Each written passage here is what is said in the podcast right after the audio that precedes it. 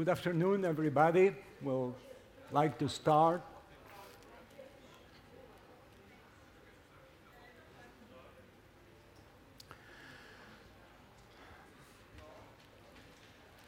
The subject of Piut has been very much present in this festival. Last night, tomorrow, today, and uh, we heard a lot of musical performances. We practiced a little bit of that repertoire. Now we're going to talk a little bit about who wrote that poetry and focus particularly on the person that I consider as I would say, the Prince of Piut. The Prince of Piut, Rabbi Israel Najara.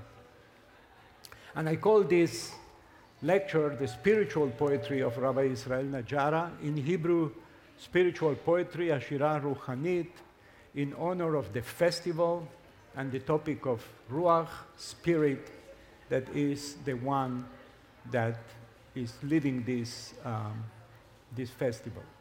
So, what we're going to do, we are going to go through two main uh, topics, axes regarding Rabbi Israel Najara the past and the present. The past and the present. This is a history of 500 years ago that has a lot of relevance today. So, with any further comments, I will start with your permission with a song. And I will play you how this song was performed and recorded by a very famous Israeli uh, ensemble called Lehakat Tzlilei Aud, the ensemble of the sounds of the oud, in around 1975. And this song was like uh, a splash, it was a, a hit. One of the first and earliest, what is called Mizrahi hit, Oriental, popular Oriental Israeli music hits. Yoducha Rayonai, um, let's hear the Lehakat Tzlilei Aud, how they interpreted this.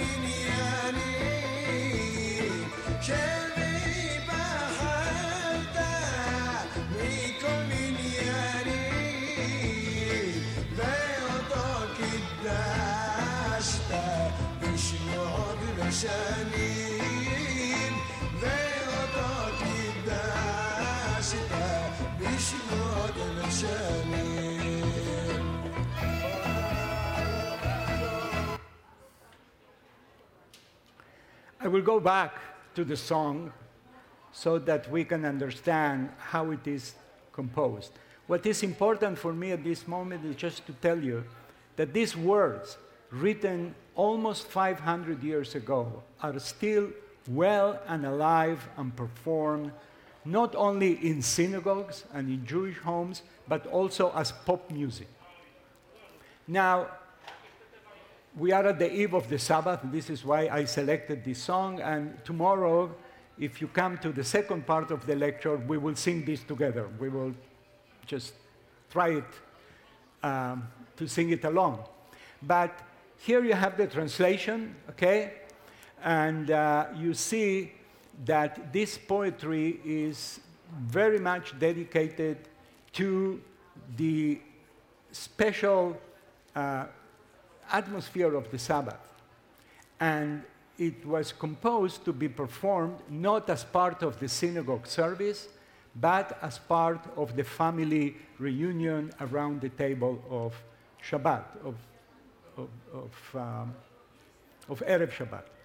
And uh, what you can see is, and I'm only giving you a little tips of how to listen to this poetry, that the poet uses in his poetry a great amount of biblical language.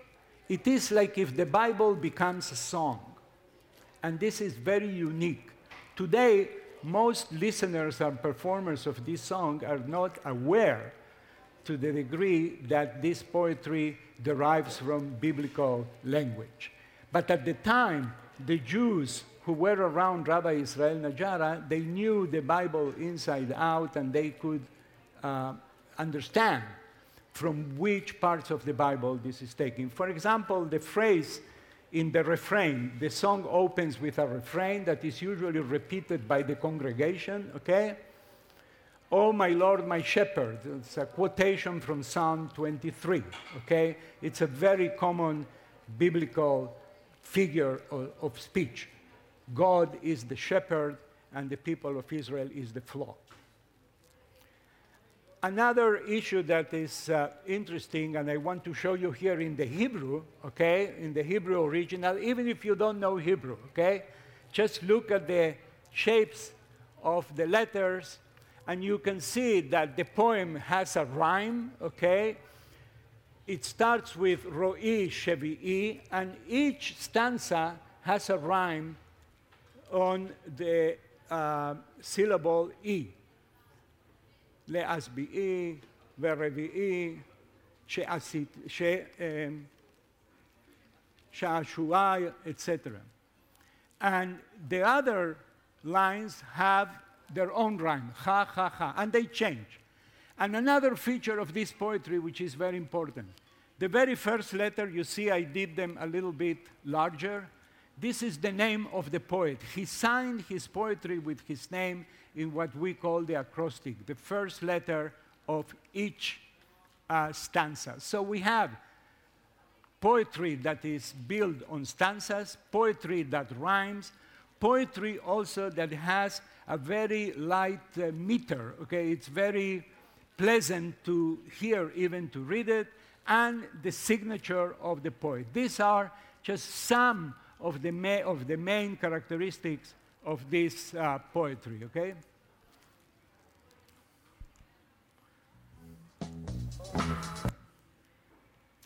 Another song I want to play you just to show you how Rabbi Israel Najara is present in Israeli life. This is another very uh, important song, and I'm playing you this because this is from an event which is similar to the Krakow Festival, a big festival on Leil Hoshana Rabbah, which is a very special uh, Jewish uh, holiday, uh, the last day of the holiday of uh, Sukkot. And this is from 2012. And on stage, you have um, uh, some of the most distinguished ethnic musicians of Israel, but also some rockers, mostly, most important of them, Berry Sakharof, which is like Israel's Bruce Springsteen, okay? So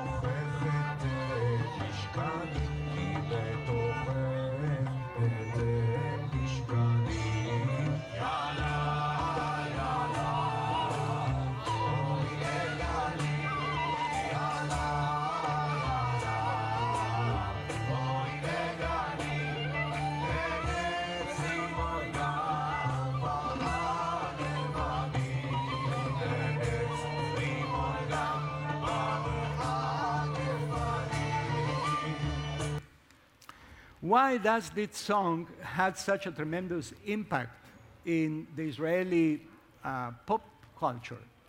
If you look at the song, and here you have the English translation, the song is called Ya'ala Ya'ala Boy Legani, and that's Rimon Parcha Gafni.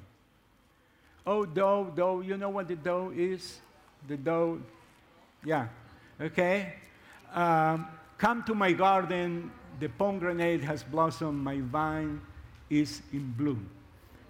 This is certainly the most direct quotation from the most beloved book of the Bible for Jews at the time of Rabbi Israel Najara, Shir Ashirim, the Song of Songs. Basically, if you read the whole poem, every single line has a quotation from the Song of Songs. Is that he rewrote the Song of Songs. The Song of Songs is a song of love, a song of passion, a song of desire.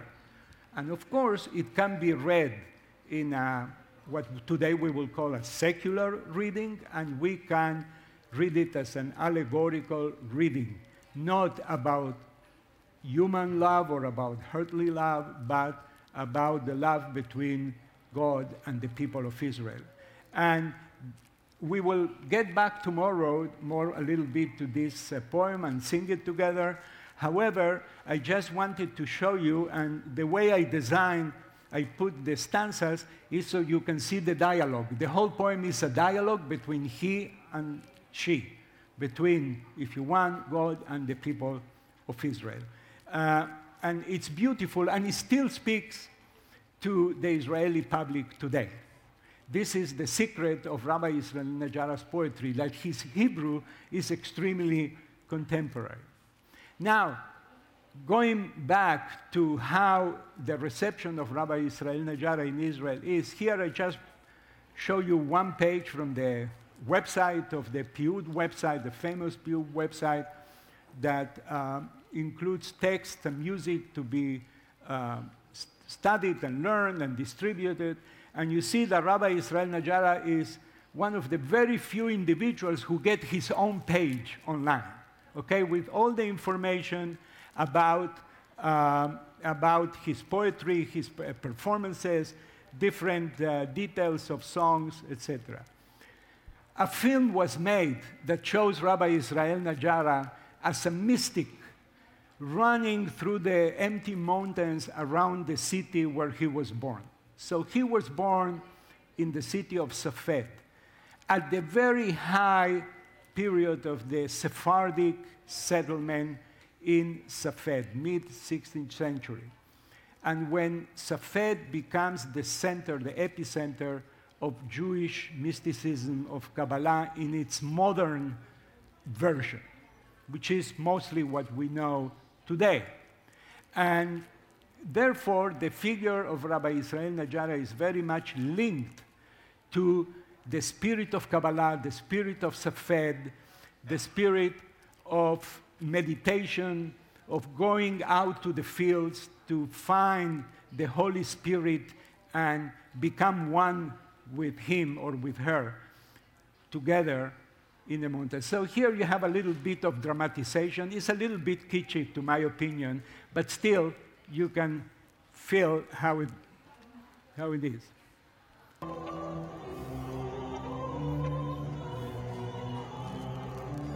The exiles' longings for redemption sparked their interest in the Kabbalah, Jewish mysticism.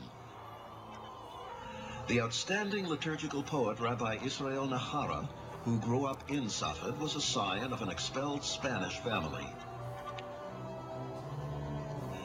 Nahara, who was also a craftsman, artist, and scribe, wandered among the Sephardic communities of the Ottoman Empire. He settled in Damascus and died in Gaza.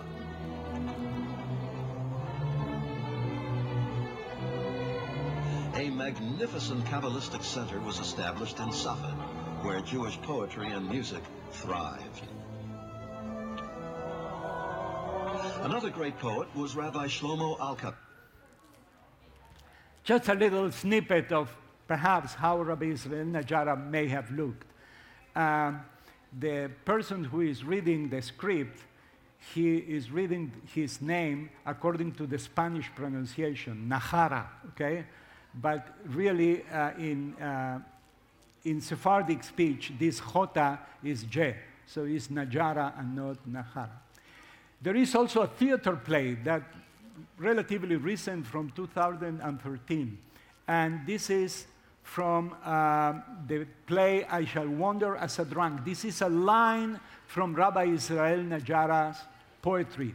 He is wandering at night like a drunk person, and he cannot understand why God is not redeeming of people of Israel. He cannot sleep, he cannot eat, he can only drink. So this is a very powerful metaphor, okay? And uh, uh, just a few um, um, scenes from this theater play. So we have film, we have theater, we have websites. Remember, we are talking about a poet who lived 500 years ago. Okay? The only other one that I can think that is as famous as Najara is Shakespeare.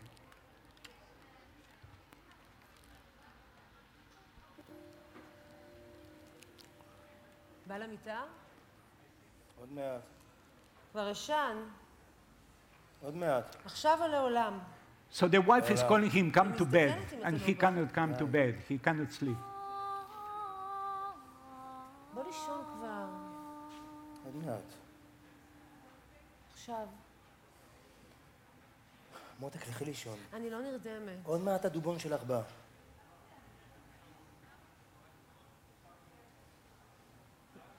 אני עדיין יפה בעיניך? I am still beautiful in your eyes. Why don't you want to come to bed with me? Okay? יאללה, יאללה. בואי לגני, נץ רימון ברכה גפני. So he now composes this poem that I showed you before. Okay, Yala Yala Boy Legani. Okay, so they use the, the song as part of the theater play. Okay, so it's really the wife and the husband, God or the people of Israel. Okay,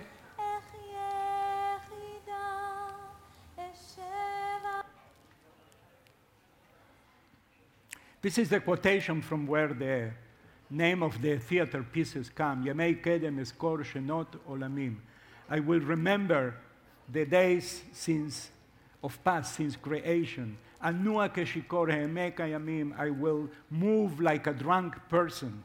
Okay, I will. Uh, uh, I will try to, to understand lama amchatim kor. Why did you sell your people? Okay, belohon vedamim. Okay, without. Uh, why did you left your people without any uh, uh, possessions? Okay, and with blood. Najara is present in Israeli cities. This is from Google uh, Maps, Najara Street in Tel Aviv. Uh, usually, the Najara streets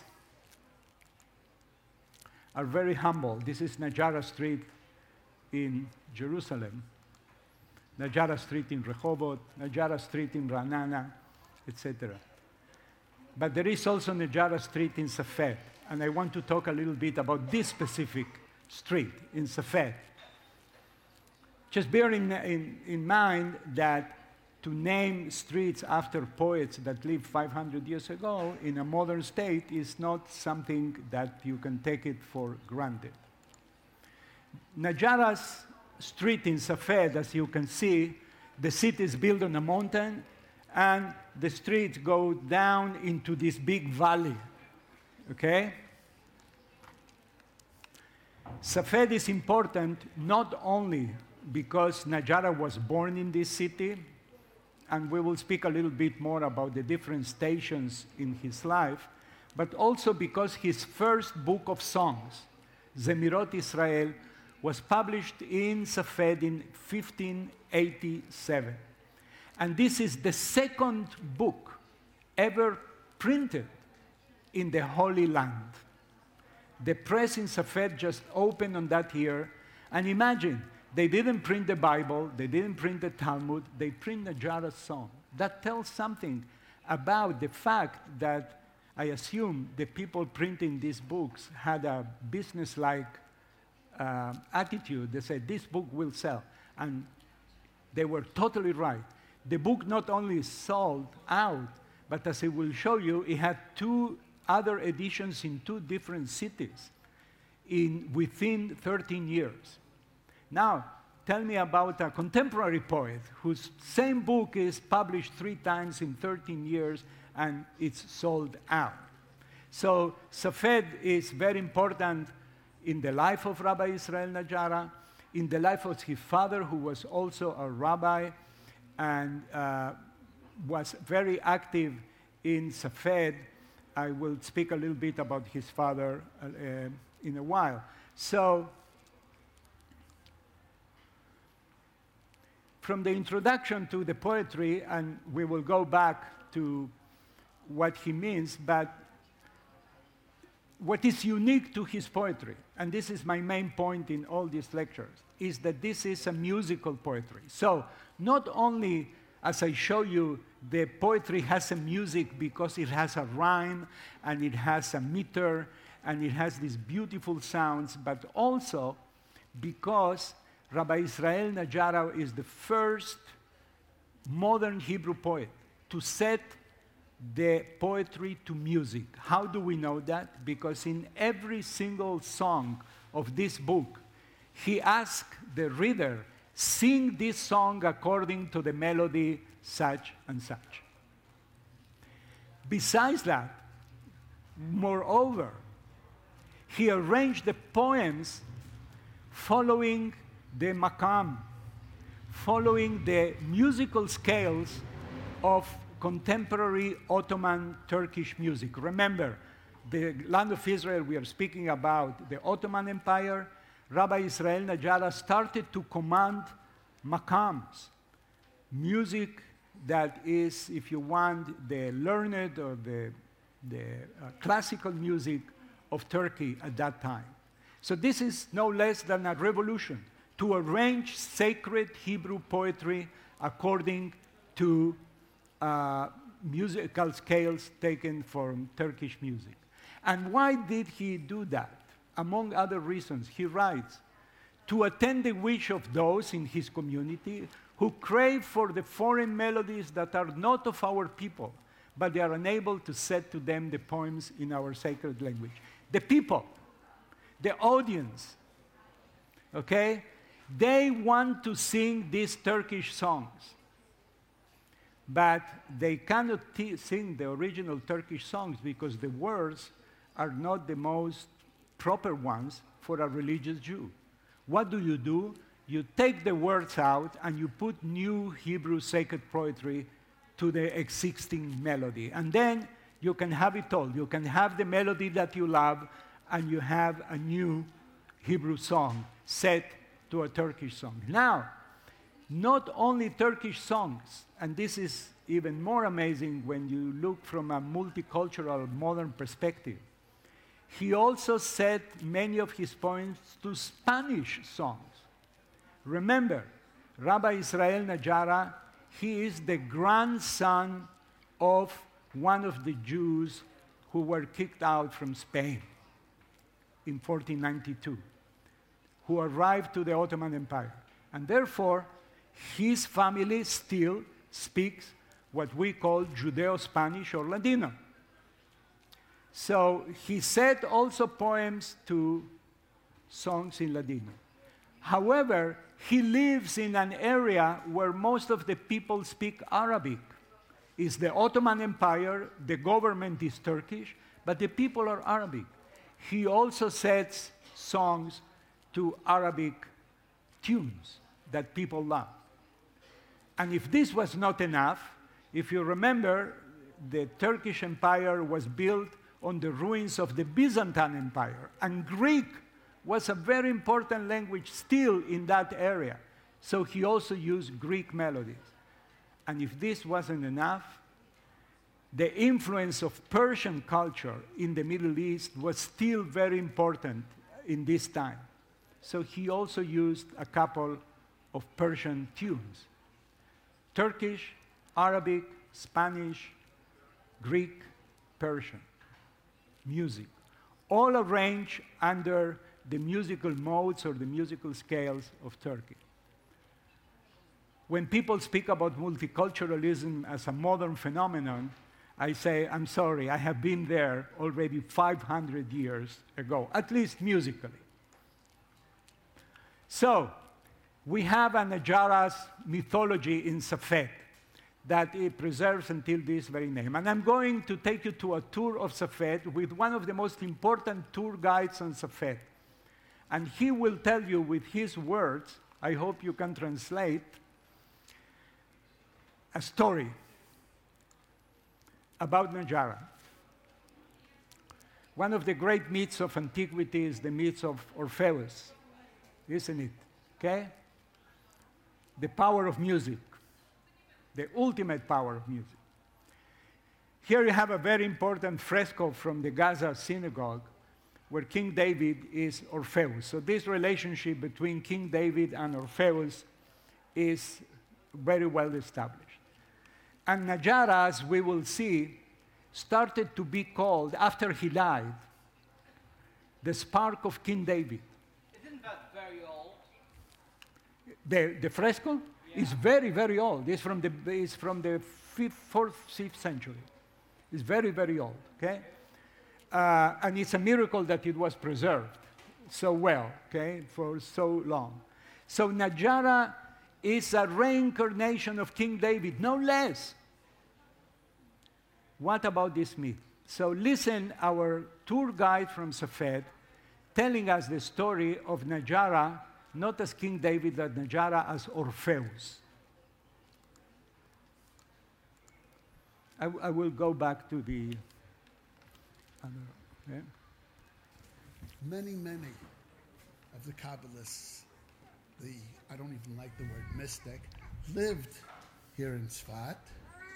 Among those who were here with the Ari was a man by the name of Israel Najara. Israel Najara was a paitan, a poet, wrote songs, a mystic.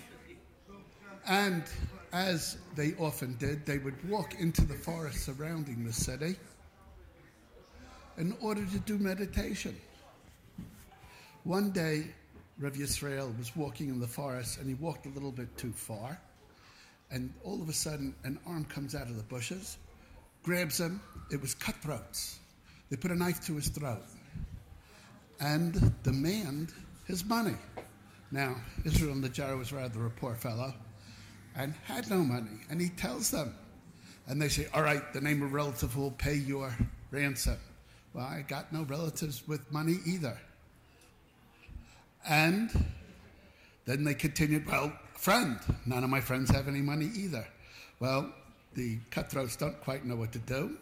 And then they look at him and they say, Well, you better make your prayers and make your peace with God because we can't let you go. You'll kill business. So uh, we're going to cut your throat.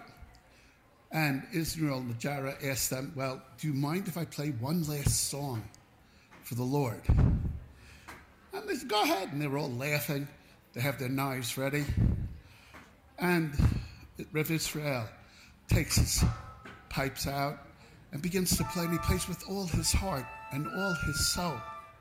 And he plays with such feeling that the camels and the donkeys of the cutthroats began to dance. As a matter of fact, they began to dance on two back feet, Well, the cutthroats were so frightened by this, they picked up and ran. But Rav Yisrael was so caught up in his song, he didn't even pay attention to it. And he stood up and he came walking back to Sfat and he walked through down below us over here. That was the main road into Sfat at that time. And he came up, and according to the legend, he came up this very road, walking with a whole parade of camels and donkeys dancing behind him. And to this day, they still call this street Israel Najara Street. Okay, there you have the whole story of Orpheus applied to Rabbi Israel Najara, justifying why that specific street is called after him in Safed. You also got a little bit of the touristic parts of uh, Safed. Those who were there probably recognize the area. So, where do we have this story about Rabbi Israel Najara as a spark of King David? We have that from several sources, most of them about 100 years after he died. And here you have actually one of them is interesting because the, one of the earliest ones come from Ashkenaz, from Europe, from here, from Frankfurt, from a book of his poetry published in Frankfurt in 702. Not very uh, uh, long away after Main or Frankfurt am Oder? Frankfurt am Main. Frankfurt am Main. And the Holy Ari, may his memory be blessed, testified that the rabbi, Rabbi Israel Najara, was a spark of King David. Peace be with him, and may his righteous memory be blessed. So, who is the Holy Ari? This is a very important piece in our puzzle. Rabbi Ishak Luri Ashkenazi, basically the main mystic of Safed, who uh, lived in this city only for two, three years, but his imprint in terms of the establishment of what is called Lurianic Kabbalah, Kabbalah called after him, a special, specific form of Kabbalah, it's uh, uh, extremely important. And the origin of this saying that Rabbi Israel Najari is a spark of King David is based on gossip. So Rabbi Israel Najara was a very famous poet. And as every famous poet, probably he was a little bit of a bohemian, perhaps. We know that in order to learn all those Turkish songs, he had to go to coffee houses, or at least stay not far away from coffee houses where Turkish songs used to be performed. So rumors started, particularly among two other poets who, in my opinion, were just jealous of him. That Rabbi Israel Najara eats meat uh, during a period of mourning when Jews don't eat meat. That they saw him with, God forbids, with the, the arms like mine, okay, not covered, but the, the, the you know, uh, uh, in a way, in a sense of uh, lack of uh, respect, and so on and so forth.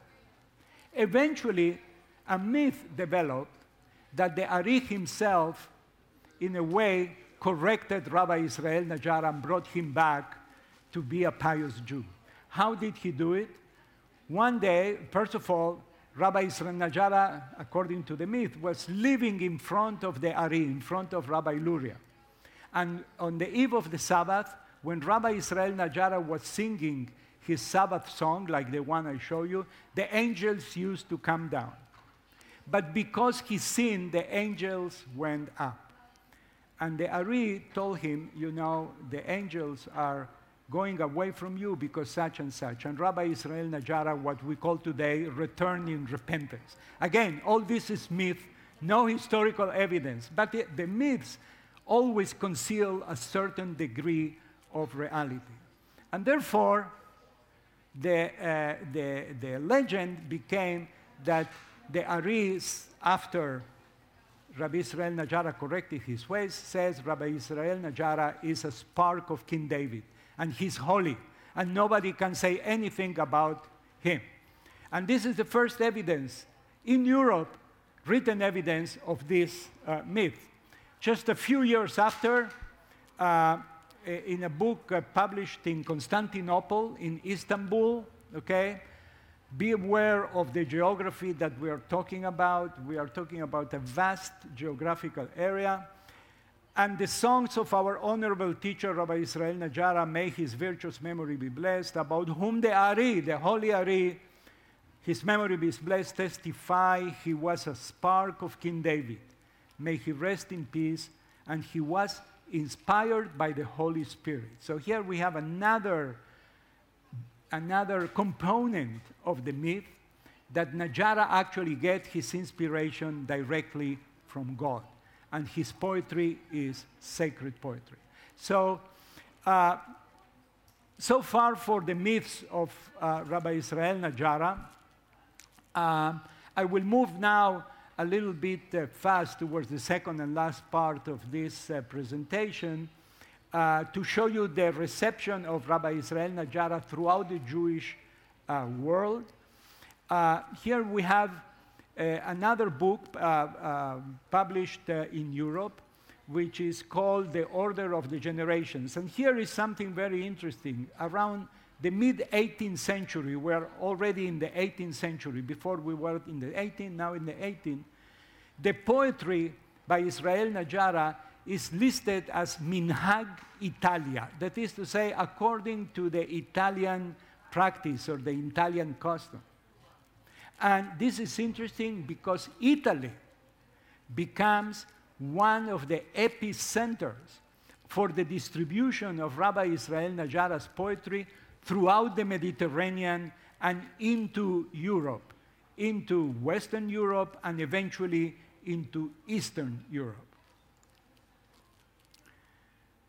The first edition of uh, Zemirot Israel, as I told you, was in 1587 in Safed. The book was reprinted in Salonika, Saloniki in 1599. And one year after, the most important edition of Zemirot Israel, the third edition that I mentioned, is published in Venice in 600.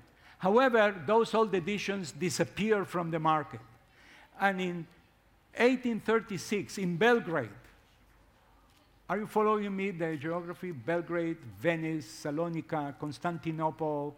Okay, we're talking about a vast area in which this man is circulating. They published a new edition, and in the introduction, they say, We only have one copy in our synagogue of Rabbi Israel Najara, Zemirot Israel, and it's falling apart, it's disintegrating. We will republish it. And they did.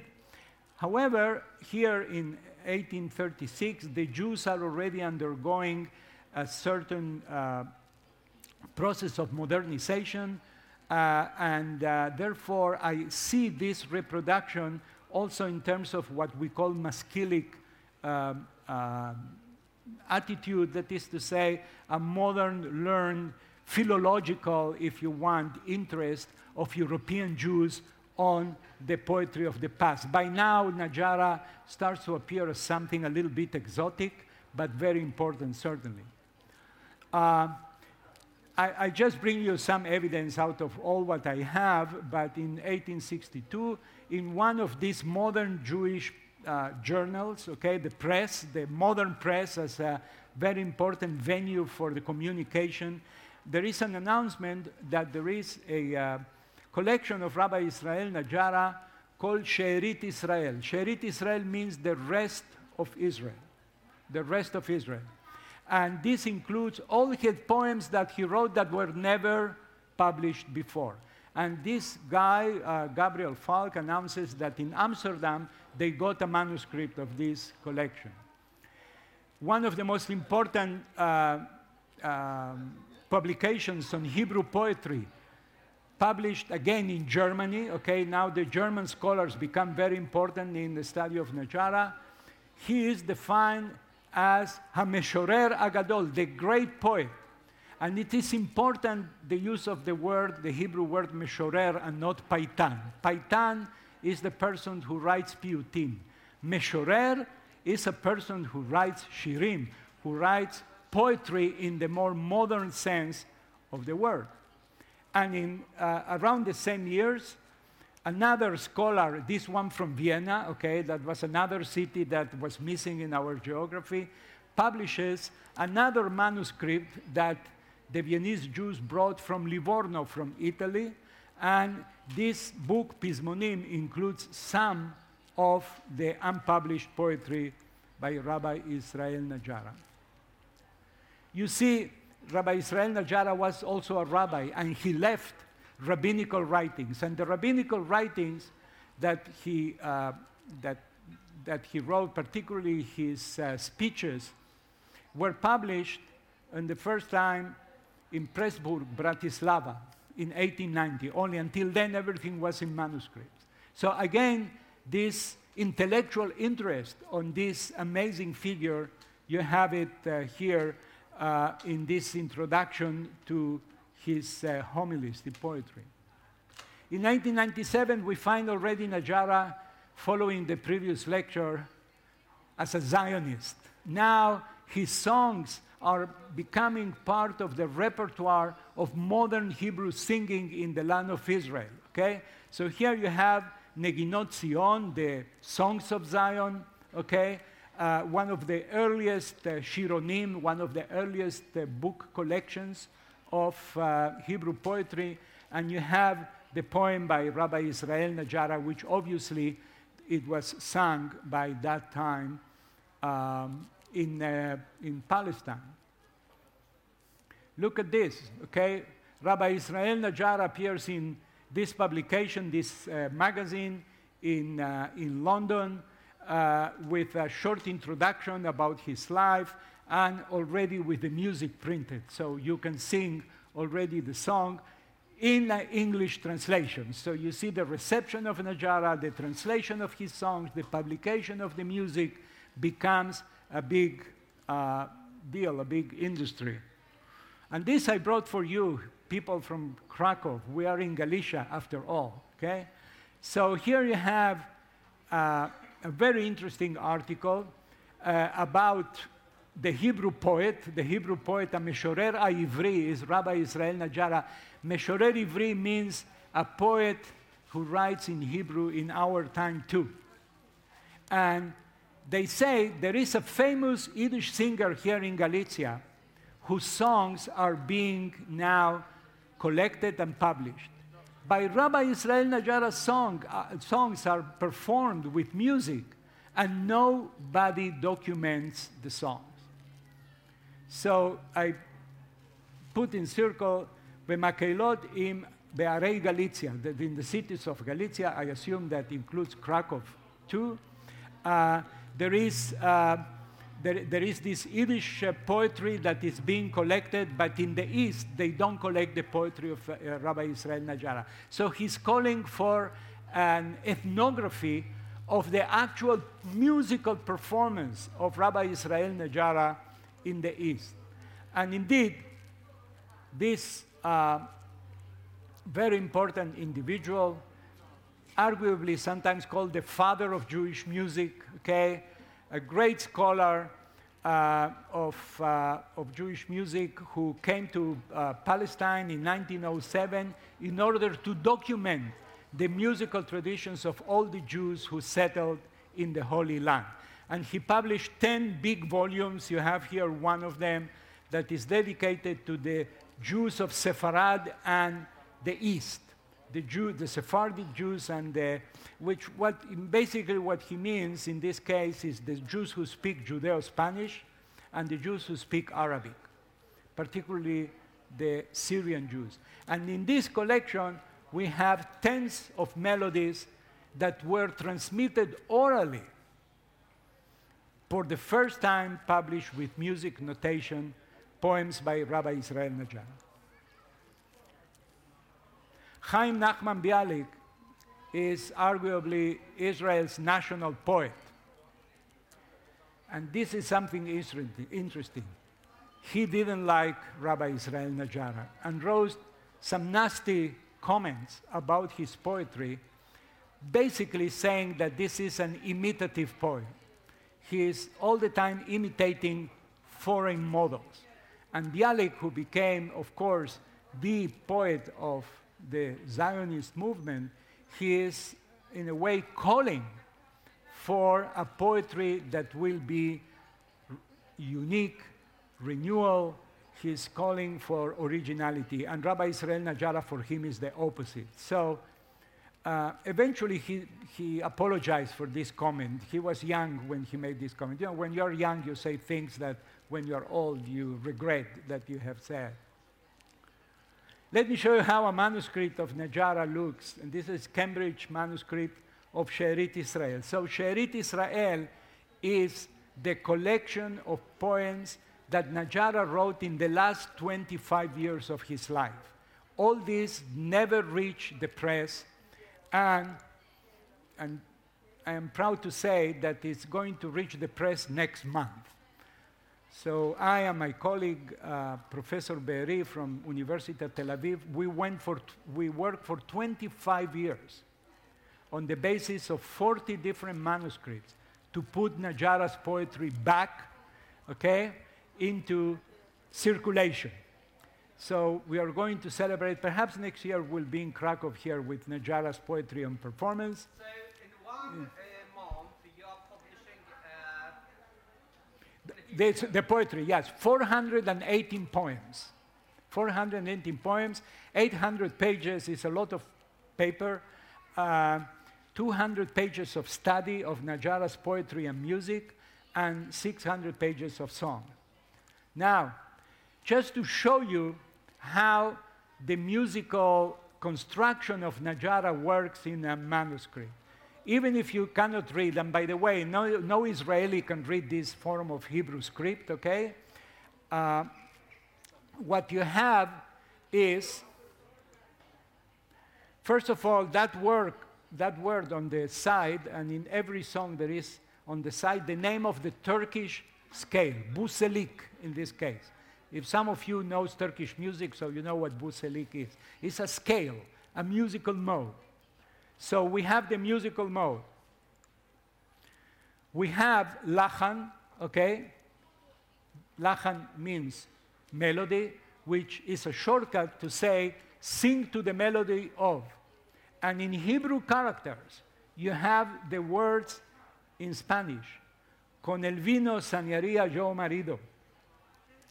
And in another manuscript, we have the second line of this poem. Now, this is an amazing discovery.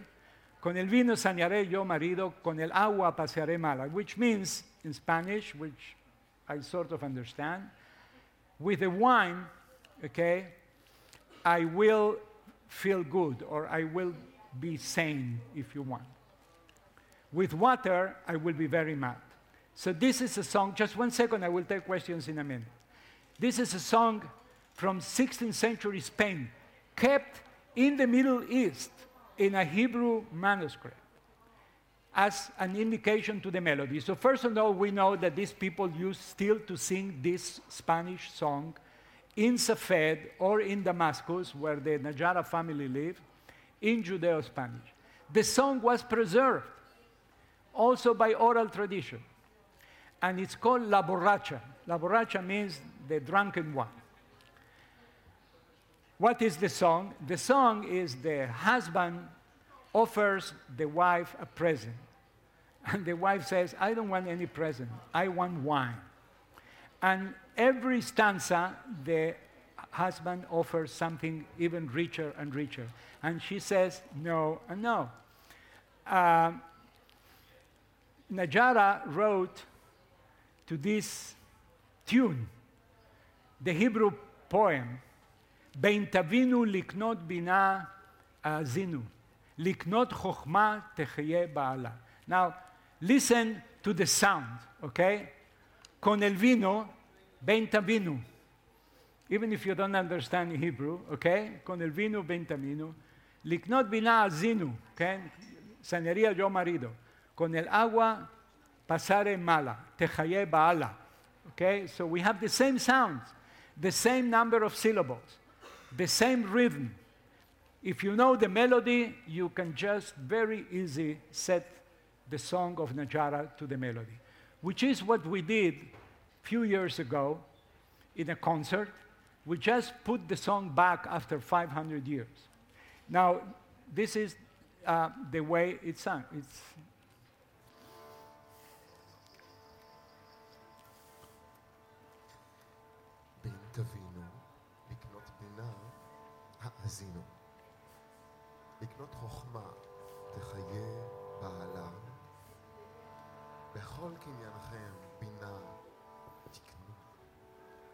By the way, this, this singer is a Ransur, a great rocker. We had rockers performing the music. So, to give it a contemporary sound.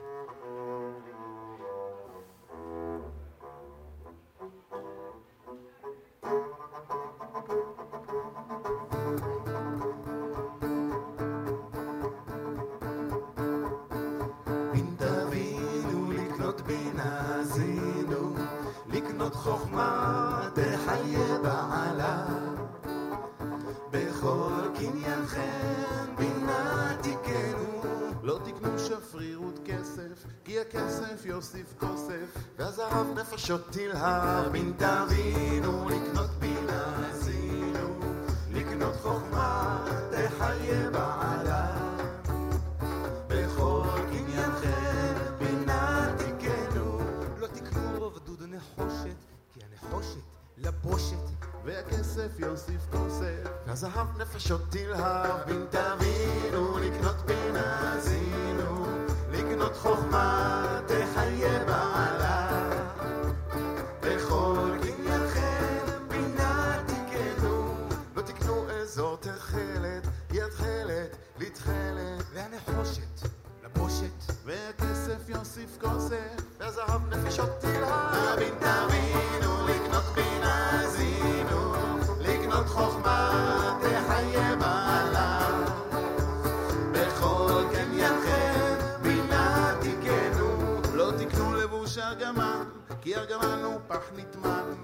התכלת, לבושת, והכסף יוסיף כוסף, והזהב נפשות תלהב. אבין תבינו לקנות מן הזינו, לקנות חוכמה תחייב I'm sorry I have to interrupt. It's a very long song. And the song is constructed as what we call in folkloric starters as an additive song. If you know the Passover song Had Gadya, every single stanza adds one more line. So what does Rabbi Israel speaks about? This is an amazing song. So the people of Israel are offered and all these are Talmudic quotes. They are offered material uh, uh, assets, and they reject the assets for the study of Torah. So the study of Torah is like the wine in the original song. That's what you want. That's what you want to drink, okay? And uh, you see here our edition, our modern edition, which not only brings the song, but brings all the biblical quotations in the song and all the explanations as how to read the song. This is why it's 800 pages. It's not only the song, but the entire uh, apparatus. Um, I think I will stop here because it's already one hour. Okay? I will take some questions. Tomorrow, we will just learn two or three songs by Najara with different melodies. And uh, we will also cover a little bit more of the historical, of the history of the rabbi, particularly the last years of his life. You will be surprised. He was the rabbi in Gaza Strip. He was the rabbi in Gaza, and I will tell you a little bit about his tomb in Gaza that was uh, a s- still a place of pilgrimage until 1948. So if there are some uh, questions, I will be glad, and my translator, which I thank you already, uh, please.